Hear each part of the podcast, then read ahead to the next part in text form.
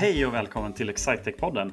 Det här är en eh, podcast som, eh, som handlar om livet på Excitec. Och eh, i den här podcasten så brukar vi träffa, vi brukar träffa medarbetare, vi brukar träffa kunder och vi brukar träffa partners till, eh, till oss på Excitec. Jag heter Mats Stegeman och med mig idag har jag Sanna Hallert. Välkommen Sanna! Hej Mats, kul att vara tillbaka. Eh, och vi har ju en väldigt spännande gäst här. Det är en man som jag har hört väldigt, väldigt mycket om, men aldrig haft eh, eh fått träffa. Så att jag är jätteglad att eh, Lars-Åke är med oss idag. Hej Lasse! Ja, men hej, hej, hej, tack, tack, tack, tack, vilken introduktion. Eh, Får man säga Lasse? Eh, alltså det är väldigt, väldigt få som gör det. Eh, jag försökte under en kort period att mynta det, men det fastnade aldrig riktigt. Och så sen så det var en väldigt kort period som jag försökte använda det. Det är egentligen min morbror, eh, så det passar ja. dåligt också. Men, men man får kalla mig nästan vad man vill faktiskt. Mm. Mm. Det är ju ett, det är ett dubbelnamn som inte har, jag tänker vi har ju kollegor som heter till exempel PO, som heter Per-Olof egentligen, men mm. eh, LO är ju är oerhört ovanligt att höra annars. Eh, ja, men jag, det får jag faktiskt höra eh, ibland. LO, och LOV. Eh, så. Ja. Eh, I olika sammanhang. Men eh, det tokiga är, alltså jag har ju ändå, jag är ju 40 år gammal nu och jag har aldrig haft något smeknamn som riktigt har fastnat. Det är ändå konstigt. Ett ja. underbetyg till alla mina vänner och bekanta. Verkligen. Jag, jag, jag, kan ställa mig i den skaran eh, själv faktiskt. Det har heller aldrig blivit något riktigt eh, smeknamn av, eh, av, av, mitt namn. Men man mm. klarar sig ändå, tänker jag. Ja, du är så bra. Då tar jag ansvaret och ska kalla dig för Matte, Mats och Lasse. Ja. och, sen, och sen kommer jag veckla ut det och bli mer kreativ allt eftersom här. Ja. Men jag har ju hört att du är väldigt bra på att kalla andra för smeknamn. Eh, jag tycker ju själv att det är eh, en krydda i vardagen. Eh, jag tycker vi alla har ett ansvar att försöka göra vardagen så rolig som möjligt. Och nu förstår jag att det inte är så jäkla roligt med smeknamn och så. Det är ju ingen jätteverkshöjd det. Men det är ändå lite, lite kul. Och så tänker jag mig att i varje relation så kan man ju hitta någonting som är lite unikt för den. Och så om man kan omsätta det till någon typ av smeknamn så är det kul. Då har man ju någonstans cementerat en relation, tänker jag. Mm. Ehm, så det kanske är därför. Det, det, det är en intressant tanke, absolut. Ja. Um, bra början tycker jag på veckans, uh, veckans avsnitt här. Vi, uh, vi sa innan att vi ska försöka att, uh, att prata, prata om dig idag. Mm. Lasse. Ja, roligt. På, om vi börjar på, på, på det ämnet, liksom, du arbetar på Excitec. Vad gör du på Excitec? Ja. Eh, ja, men eh, nu lite allt möjligt. Vi, jag började ju för ungefär ett och ett halvt år sedan. Eh, med, det var ju precis när vi drog igång, eller det, vi hade egentligen dragit igång en liten satsning på e-handel på Excitec. Och så kom jag in eh, som en del av det. Och nu har vi ju stärkt ytterligare. Det är två förvärv bara under tiden jag varit här. Så nu är vi ju eh, riktigt många och faktiskt riktigt, riktigt duktiga på det. Eh, och då så nu känner jag många, för jag jobbade ju på det senaste bolaget vi förvärvade i ganska många år. Så att då har jag väl någon typ av roll där jag försöker bara kolla. Jag känner ju ganska många där, så försöker kolla hur alla mår, hur det går med allt. Men även försöka hålla kvar i de som faktiskt har byggt från början det som vi har på Excitec innan vi fick in förvärven också. Eh, så det är lite blandat. Alltså jag tycker ju att för mig som person så fungerar det och passar väldigt, väldigt bra att göra många olika saker. Eh, så jag försöker göra många olika saker. Jag försökte under några år när jag jobbade, eh, jobbade som projektledare och så, då försökte jag bli specialist för jag såg upp till de som var så specialister. Det är väldigt djup kunskap inom specifika områden. Det tyckte jag var så häftigt. Men jag har inte det i mig eh, alls. Så att allt som jag försöker ta mig an och bli expert på och lära mig utan och innan, det, liksom, det går inte. Det, så det, och det har kommit, jag har liksom, jag har kommit till ro med det nu. Mm. Eh, och nu Hur, tycker jag att, ja. Jätteintressant. Hur känns det i kroppen när, när du inser att jag kommer inte bli expert på det här heller? Eh, men alltså, det var ju en sorg faktiskt i, i några år. Eh, mm. Alltså just det där. Men det är ju att jag, man, jag får ju... Jag blir ju väldigt rastlös då. Alltså jag har ju absolut ingen, eh, kan absolut inte skylla på att jag skulle haft någon diagnos eller att jag har något sånt. Men, men det är bara att det, det går liksom inte. Jag kan ta in kunskap. Jag har väldigt lätt att ta in kunskap till en viss nivå. Mm. Sen så tar det stopp och då, då är det precis, det tar stopp. Och det känner jag, alltså det, folk som brukar möta med mig ofta kan de märka det också. Jag brukar nästan alltid bryta efter 45 minuter för då tycker jag att det är tillräckligt. Eh, då tycker jag, och jag tror att det gäller för de allra flesta egentligen, att vi efter 45 minuter i ett möte om vi sitter och pratar om saker, då kan vi inte längre ta in saker, utan då blir det mer att man pratar eh, man börjar om någon typ loop tillbaka till där man började mötet och så sen så pratar man om samma sak fast med lite olika ord bara. Eh, men så nu är jag nog ganska, alltså ganska bra på att hantera det. Mm.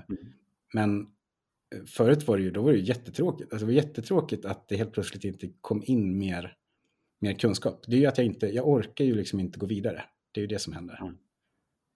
Så jag blir, jag blir uttråkad.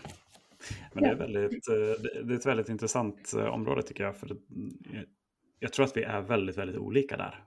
Hur man, eh, alltså, vissa är ju verkligen oerhört bra på mm. att eh, bryta igenom det där, eh, den eh, känslan av att nu är jag klar med det här mm. och, och, kan se att det finns oändligt mycket mer att lära sig. Jag är eh, helt klart i ditt lag där. Eh, jag klarar inte heller av att, eh, att lära mig till, till en sån där expertisgräns, för jag, jag behöver också vidare och jag tror att lite grann därför som, som jag har testat på. Jag brukar ha en treårskris eh, där jag liksom behöver göra någonting nytt. Eller rent arbetsmässigt så har det varit så för mig att det har gått tre år i stöpet ungefär och, och, och sen, så, sen så klarar jag inte av att göra samma sak som jag gjorde. Um, men jag, har väldigt, jag älskar att lära mig saker men jag älskar också att vara nybörjare på dem. Um, mm. Den, den liksom initiala fasen. Så uh, det, det, låter som att vi kan vara kompisar du och jag. Ja men alltså den här euforin man har när man kommer till en ny insikt som man inte hade igår och så upplevelsen av att man har förstått någonting, eh, någonting nytt, det är ju helt otroligt. Det tycker jag, det kan man bygga så mycket energi runt. Men sen att kunna få arbeta med människor, alltså som vi ser på Excitec så har vi ju faktiskt ganska många som är experter och är väldigt, väldigt duktiga på sina områden. Och att få jobba med dem, att få fundera på hur saker kan kopplas ihop eller hur saker passar ihop och vilka människor som skulle vara bäst lämpade för att, att hjälpa till att lösa det på ett bra sätt. Det är ju otroligt roligt när man får jobba med dem sen då. Mm. Tycker jag. Det är ju mitt bästa att få. Jag satt i ett sånt möte precis nu där vi satt och, och liksom kollade på ett potentiellt nytt erbjudande som faktiskt inte finns på marknaden än. Och att få prata med dem som skulle kunna vara de som på djupet förstår om det här är en bra grej, om det här är två system som är bra att integreras och eh, sen kunna ta reda på vilka hinder vi har och, och, vilka utmaningar som finns i det, vilka begränsningar vi kommer ha där kommer inte jag kunna göra så mycket. Men, eh, men att få jobba med dem, det är jätte, jätteroligt. Mm. Det är en nice. Men det låter som vi har två, två män här som är bra på mycket men inte bäst på något. Om man får vara taskig. Eh, ja, bra på mycket vet jag inte heller. Alltså jag, jag, är bra på, jag är faktiskt jättebra på en sak tycker jag. Det, alltså jag är ganska bra på att förstå eh, min plats och jag är ganska bra på att förstå att andra människor är mycket bättre än mig väldigt ofta. Och att bjuda in dem tidigt det skulle jag säga det är min huvudstyrka. Att jag, jag förstår att andra människor förstår bättre. Ja, det är nog det jag är bra på. Men om vi ska gå vidare och... Ja, men jag, jag, skulle nog nästan påstå det. Att eh, ja. jag är duktig på att förstå att vad andra människor kan ungefär. Mm. Vi ska gå vidare och rota vidare i, i Lars-Åke. Mm. Eh, så, så vet jag ju då privat att du har varit bra på basket? Är alltså, bra? Det, alltså det där vet jag inte om, eh, om det stämmer. Jag har spelat mycket basket, har jag. Eh, och det syns ju inte i det här formatet, men jag har ju min längd som en ganska stor nackdel i, i idrott i allmänhet, men basket i synnerhet. Jag är inte extremt kort, men jag är kort. Eh, men jag spelar basket, jag tycker basket är väldigt, väldigt roligt. Eh, sen så nu i takt med att jag har blivit äldre så inser jag att all typ av kontaktsport som man har utövat när man är yngre är, eh, det medför extrema skaderisker. vi spelade seriespel i fjol och då går man alltid runt och är lite så halt och lytt. Och det, det är så mycket som, som blir lidande av det, så jag vet inte hur det blir framåt.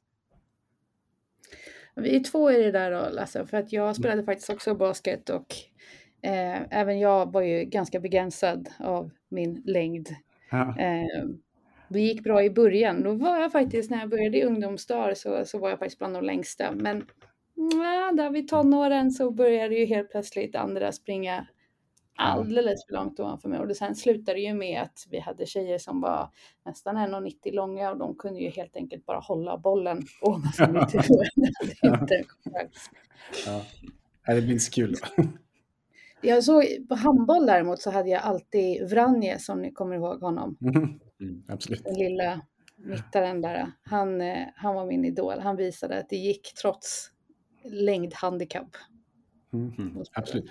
Ja, men vill man veta hur jag ser ut, jag ser ut som Vranjes fast sämre tränad. det är den närmsta beskrivningen om man inte vet. Eh, man gillar men du håller ändå på, det måste jag säga. En annan har ju lagt av helt och hållet sedan länge. Ja. Men du fortsätter ändå i någon korpserie då, eller? Eh, alltså det kallas motionsserie, men det är ju i det vanliga seriesystemet. Men eh, i år kommer det nog inte bli någonting, tror jag vi har liksom inte... Eh, det är svårt att få ihop tillräckligt med farbröder för att åka eh, fem timmar enkel resa i bil till en bortamatch en lördag eftermiddag i november. Eh, och det, mm. det orkar man inte hur länge som helst hålla på och tjata på folk. Vad spelar du för position? Eh, ja, alltså efter, jag brukar kalla mig för centergard och det är ju mest ett skämt. Men det är för att jag tycker det är kul att vara liten och vara under korgen och böka. Eh, ja. Men jag är ju eh, point guard kanske, vanligtvis. Men nu är jag lite för trött och långsam. Om det är bra att vara snabb och ha mycket ork. Eh, mm. Ja, så att det är lite Alltså vi brukar ju vara, när vi spelar, alltså vi har ju varit på de allra flesta matcherna så är vi fem, vi har inga avbytare och då blir det ju att man får liksom bara göra det man orkar hela tiden. Just det. Så det blir lite tokigt. Det är ju många som är, säger... Jag tittar på väldigt mycket basket. Mm. Um, och har väl liksom närt en dröm om att kunna, jag, jag tycker, tycker det till exempel är jätteroligt att gå med mina barn och, eh, och skjuta uh, skjuta på en eh, basketkorg. Det, det, är faktiskt mycket mer jag som tycker det är roligt än vad, än vad de tycker. Eh, men, eh, men jag blev ju inte heller bortskämd med någon, med någon vidare eh, längd ovanför för jorden. Utan, men jag försökte bli hockeymålvakt istället under, mm. under, under, väldigt många år. Det är heller inte en oerhört bra val när man, när man inte eh, blir så lång och ståtlig. Men eh, man kan, eh, man kan försöka och det är ju framförallt eh, roligt att hålla på tycker jag. Verkligen. Och vi behöver väl generellt sett, är det inte Riksidrottsförbundets eh, vision så många som möjligt så länge som möjligt? Alltså att våran, en, en av våra stora utmaningar som samhälle är att vi, framförallt på tjejsidan, att vi inte har förutsättningar för att fortsätta idrotta när vi, alltså efter tonåren. Så det är jättemånga som hoppar av och aldrig kommer tillbaka. Och det är ju, mm. det är synd på många sätt faktiskt det är det. Det är, det är ju väldigt, väldigt roligt. Så det är ju, det är, och jag är ju en av dem som faller under den statistiken. Ja. Jag önskar att det fanns ett lag där ute. Ja, men det jag finns... I fotboll så har man mixlag. Det tyckte jag var lite smart. Apropå att det är svårt att få ihop farbröder. Om ja, man tar några vi, gummor också. Vi har faktiskt gjort så. Vi, har, vi spelar mixat, eller vi, vi vi bjuder med de tjejer som är i föreningen också. För de har inte senaste åren haft något sånt tantlag. Mm. Nej. Uh, och det funkar ju väldigt, väldigt bra. Det är väldigt, väldigt, väldigt roligt faktiskt. Mm.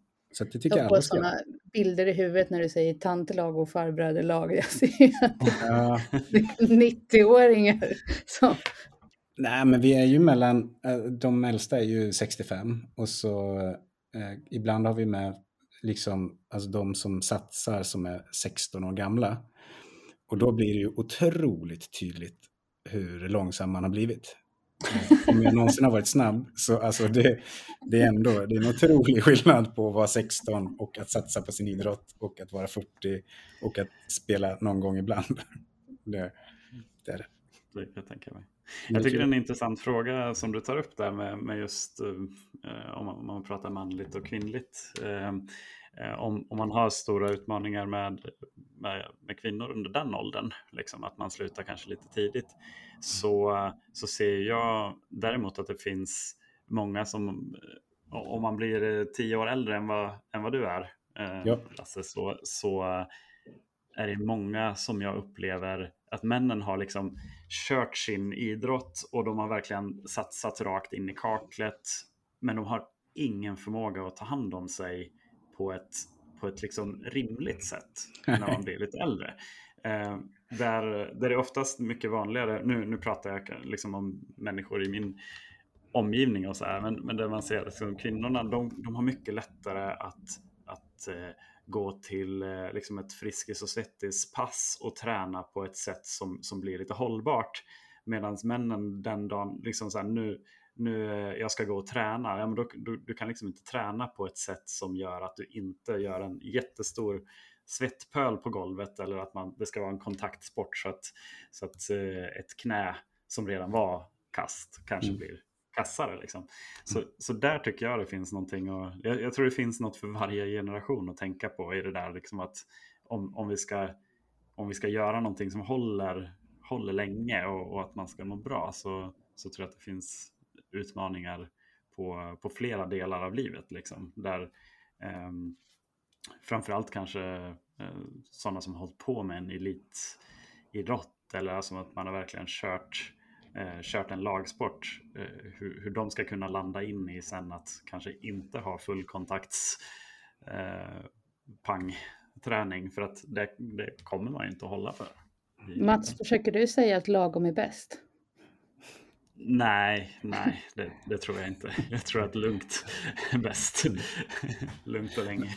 Ja, men jag tror att du har gett rätt i det. Men är det inte också, alltså min, nu bygger det här bara på mina egna erfarenheter, men om man ser de tjejer som jag har i närheten av mitt liv, de är ju duktiga på det här med att alltså, få variation i sin, mm. sitt idrottande. Alltså man går på yoga, man går på olika pass, man kanske inte springer, alltså man går på gymmet.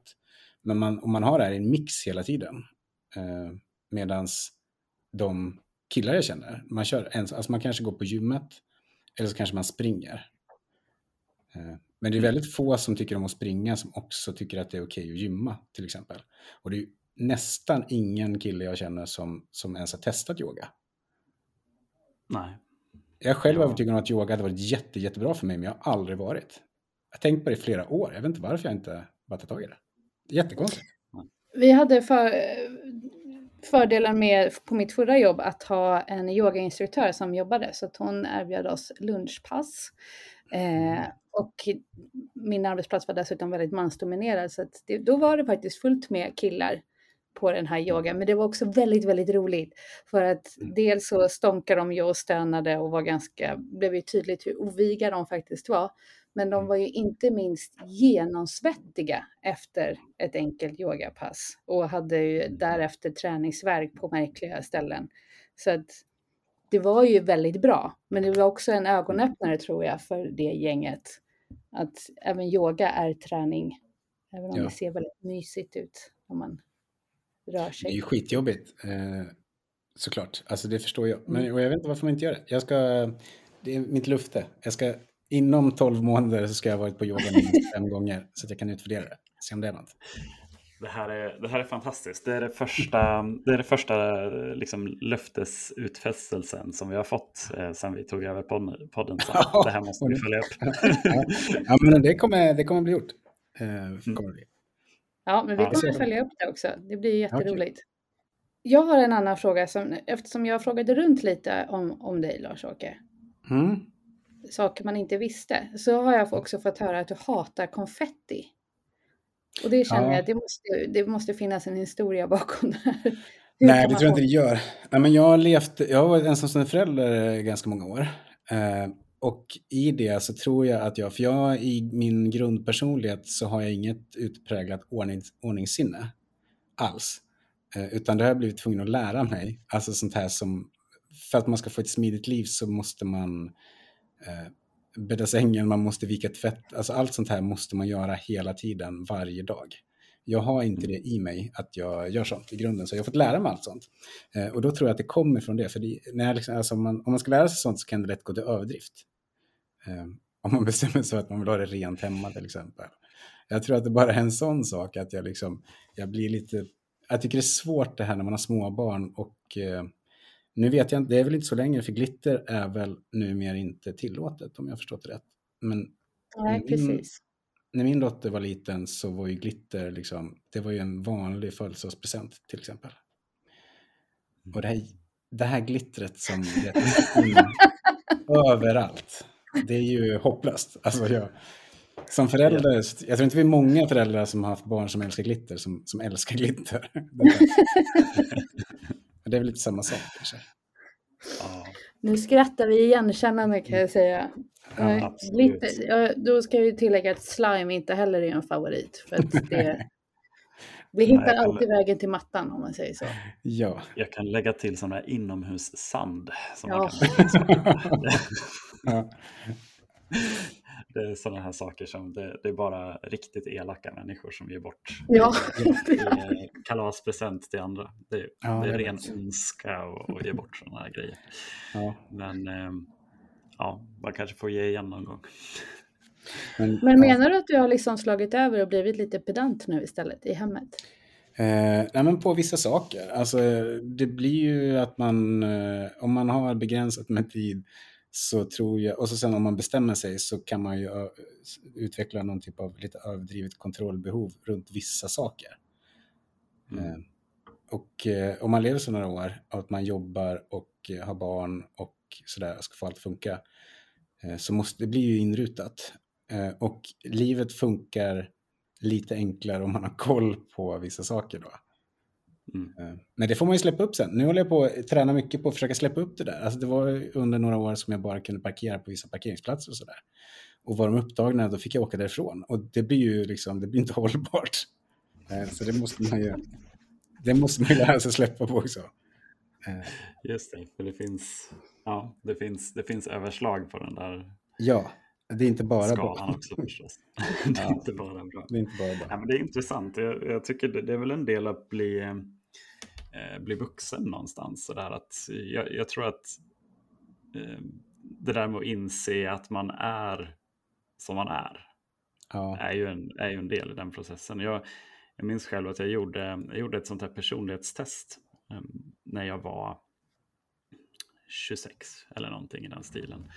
Och eh, i det testet så stod det eh, massa svar på frågor som min mamma och pappa alltid hade berättat för mig att ja, men du vet Mats, du är så här. Du är ju precis som liksom, du är snäll, du är ödmjuk, du är omtänksam, du är empatisk och, och massa sådana saker. Och i det där testet så stod det att, att jag kanske inte var det alla, alla gånger. Och då tänkte jag förstås att det var fel på det där testet.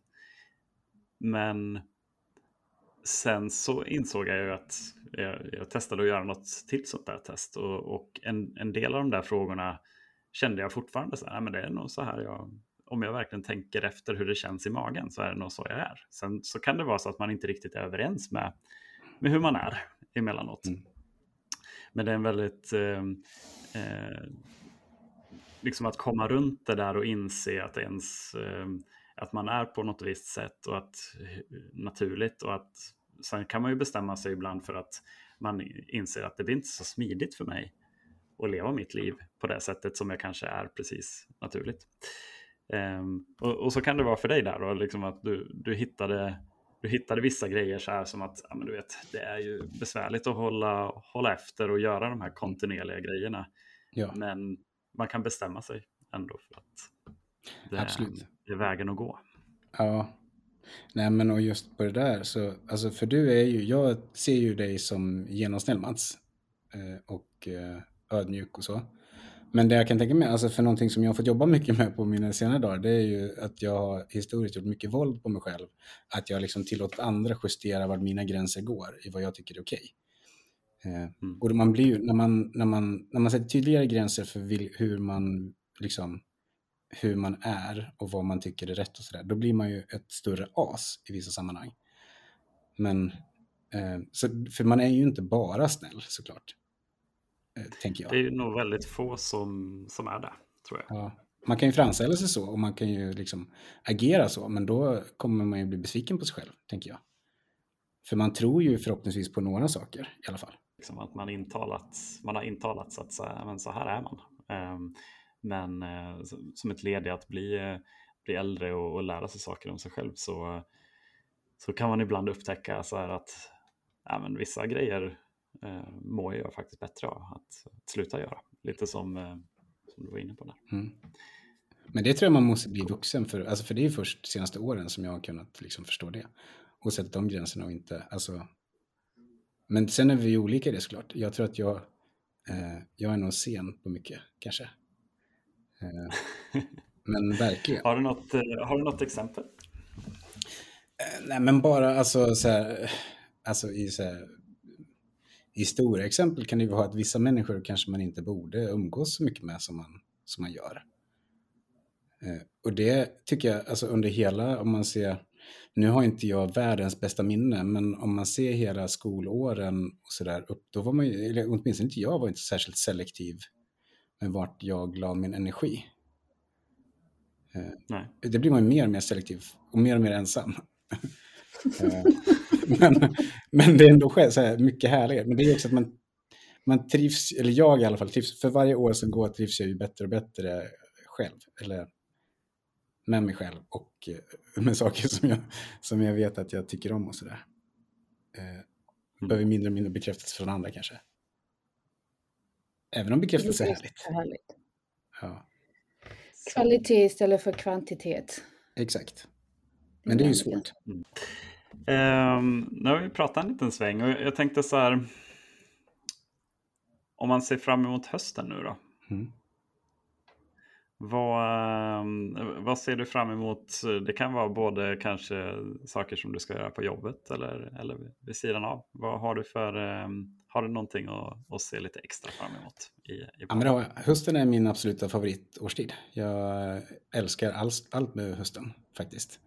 Eh, så att jag, hösten ser jag väldigt mycket fram emot. Och det, där vi är just nu när det fortfarande är ljust och soligt men det är så krispigt och lite så härligt i luften, då tycker jag att man mår som, eller jag mår som allra bäst. Eh, och ser man på hösten på Excitex så alltså vi, det händer ju väldigt, väldigt, väldigt mycket nu. Vi, på det område där jag spenderar majoriteten av min tid, i handelsområdet bara, så har vi ju, ja men dels så är det ju många företag som nu sitter i sina planeringsfaser, eh, men också från vårt håll att vi håller på att se över våra erbjudanden och ser hur kan vi göra dem så bra som möjligt? Ehm, så det är, alltså, och det är ju väldigt, väldigt roligt. Och vi har ju blivit, bara innan sommaren blev vi ju väldigt många fler. Ehm, mm. Och sen, jag, för jag har jobbat då på, på Spotton som var det senaste företaget vi förvärvade. Men det har kommit in ganska många nya som jag faktiskt inte känner och fortfarande inte har träffat. Så att, jag ser också mycket framåt. Många nya människor att lära känna sådär. Ehm, jag måste för övrigt bara säga Lasse att det var det mest positiva jag någonsin hört någon säga att hösten är favoritårstid. Men... Det är ju annars. Nej men det är ju bara, det är ju bara liksom den sista vägen in i vintern, mörkret, deppigheten. Men det, liksom, där, det där tror jag också är någonting som, jag tror faktiskt på riktigt, det där tror jag är någonting som vi har pratat så mycket om så att det har blivit en sanning för många. Jag tror att, för det har jag också fått höra, att man blir så här, ja men höstdepression och sådär. Eh, men eh, vi är lika många som blir lite deppiga på våren. Så att jag tror... Ja, men det förstår jag inte. Mm. Eh, nej, men jag, så jag, jag, tror faktiskt att det där är någonting som vi har pratat om så mycket så att det har blivit en sanning för många. Eh, det finns ju... Jag tycker ju fler man pratar om hur fantastisk hösten är, alltså det här med att man får, man får koka te på kvällarna, man får ha på sig en filt om man vill, man kan ta på sig en skön tröja. Eh, det är många som uppskattar allt det här, men man, man liksom man, man väljer att inte riktigt se det. Det tycker jag är synd. Jag tycker det känns som ett tröstpris. Tycker... Jag, jag, håller, alltså så här, jag, jag gillar ju de här, van, alltså så här, det är väldigt vanligt att man refererar till de här eh, men, filt och, och, och te och sådana grejer. Jag tycker själv också att hösten är en tid att, eh, där man oftast tar tag i saker. Att, att sommaren blir, eller så, så, är det för mig, liksom, om man ser till det eh, yrket som, som jag har och har haft länge så är ju hösten den här tiden då man, då man ska sätta, sätta de här planerna i, i verket ordentligt. Man har haft sommaren på sig och, och, och vila lite grann och, och gått och, och funderat på vad, vad som ska ske härnäst och sen så är det sen så börjar det hända grejer på hösten. Så jag, jag är väl, verkligen också en, jag gillar hösten för att man får, man får ordentligt med, med tid oftast till att till att äh, göra de här grejerna som man planerar tillsammans. Ja. Äh, inte minst professionellt. Jag håller 100 procent Och under sommaren så då är man ju, åtminstone jag, men väldigt många med mig, man, alltså man lever ju lite mer dekadent, avslappnat. Jag tycker hela våren så är man också lite så förbereder inför att det ska bli varmt och man ska ligga och bada. Men sen så, som nu, jag har aldrig varit så, alltså så mycket energi som jag har nu, eh, det vet jag inte om jag någonsin haft. Jag tycker att typ allt är roligt och jag kan jobba mycket som helst. Jag kan umgås med folk hur mycket som helst. Uh, jag får så mycket gjort. Alltså det är otroligt härligt. Uh, mm. Så det vill man ju bara vara kvar i. Sen vet jag att det kommer en vår och då kommer jag gå ner. Då kommer jag inte tycka att livet är lika härligt längre. Men det får jag ta då. Tvärtom cyklar du och jag Lasse. Mm. Ja, men vi behöver, det finns säkert någon genetisk förklaring. Alltså på samma sätt som att vissa är pigga på kvällarna och vissa är piggare på morgonen. Det finns säkert något sånt. Mm. Det fyller mm. ett evolutionärt syfte säkert. Ja. Vi får lyfta varandra. Ja. Helt enkelt. Ja. Mm. Vi tackar för, eh, för den här veckan. Mm, tack själv. I, i, från Excitex-poddens perspektiv. Och eh, ehm, vi brukar ju avsluta lite grann med att eh, prata om vart man kan hitta mer information om, eh, om Excitec. Och eh, Sanna, om man, vill, eh, om man vill veta mer om vad Excitec gör och vilka erbjudanden vi, vi har. Vart Då går man ju självklart in på excitec.se där man hittar all information om oss och vilka tjänster vi erbjuder, liksom produkter. Och Mats, om mm. man vill bli Lars-Åkes nya kollega, eh, var går man då? Mm. Ja, men då går man till, eh, till excitec.se karriär där man hittar all information om de jobben som vi har ute eh, för tillfället. Och eh, annars så går det ju oerhört bra att kontakta oss som är med här i podden också, så kan vi säkert eh, föra er rätt in i, i vår i vår värld. Men, eh, men annars så finns det mycket på, på webben och eh, även via sociala medier, Instagram och Facebook och så där kan man också följa oss. Men eh, excitec.se är en, en grymt bra startpunkt för det allra mesta skulle jag säga. Ja. Så är det. Um, återigen Lars-Åke, tack så mycket för att du var med och gästade oss mm. den här veckan. Det var ett, ett jättemysigt samtal tycker jag. Tack detsamma, jättekul att vara med tycker jag.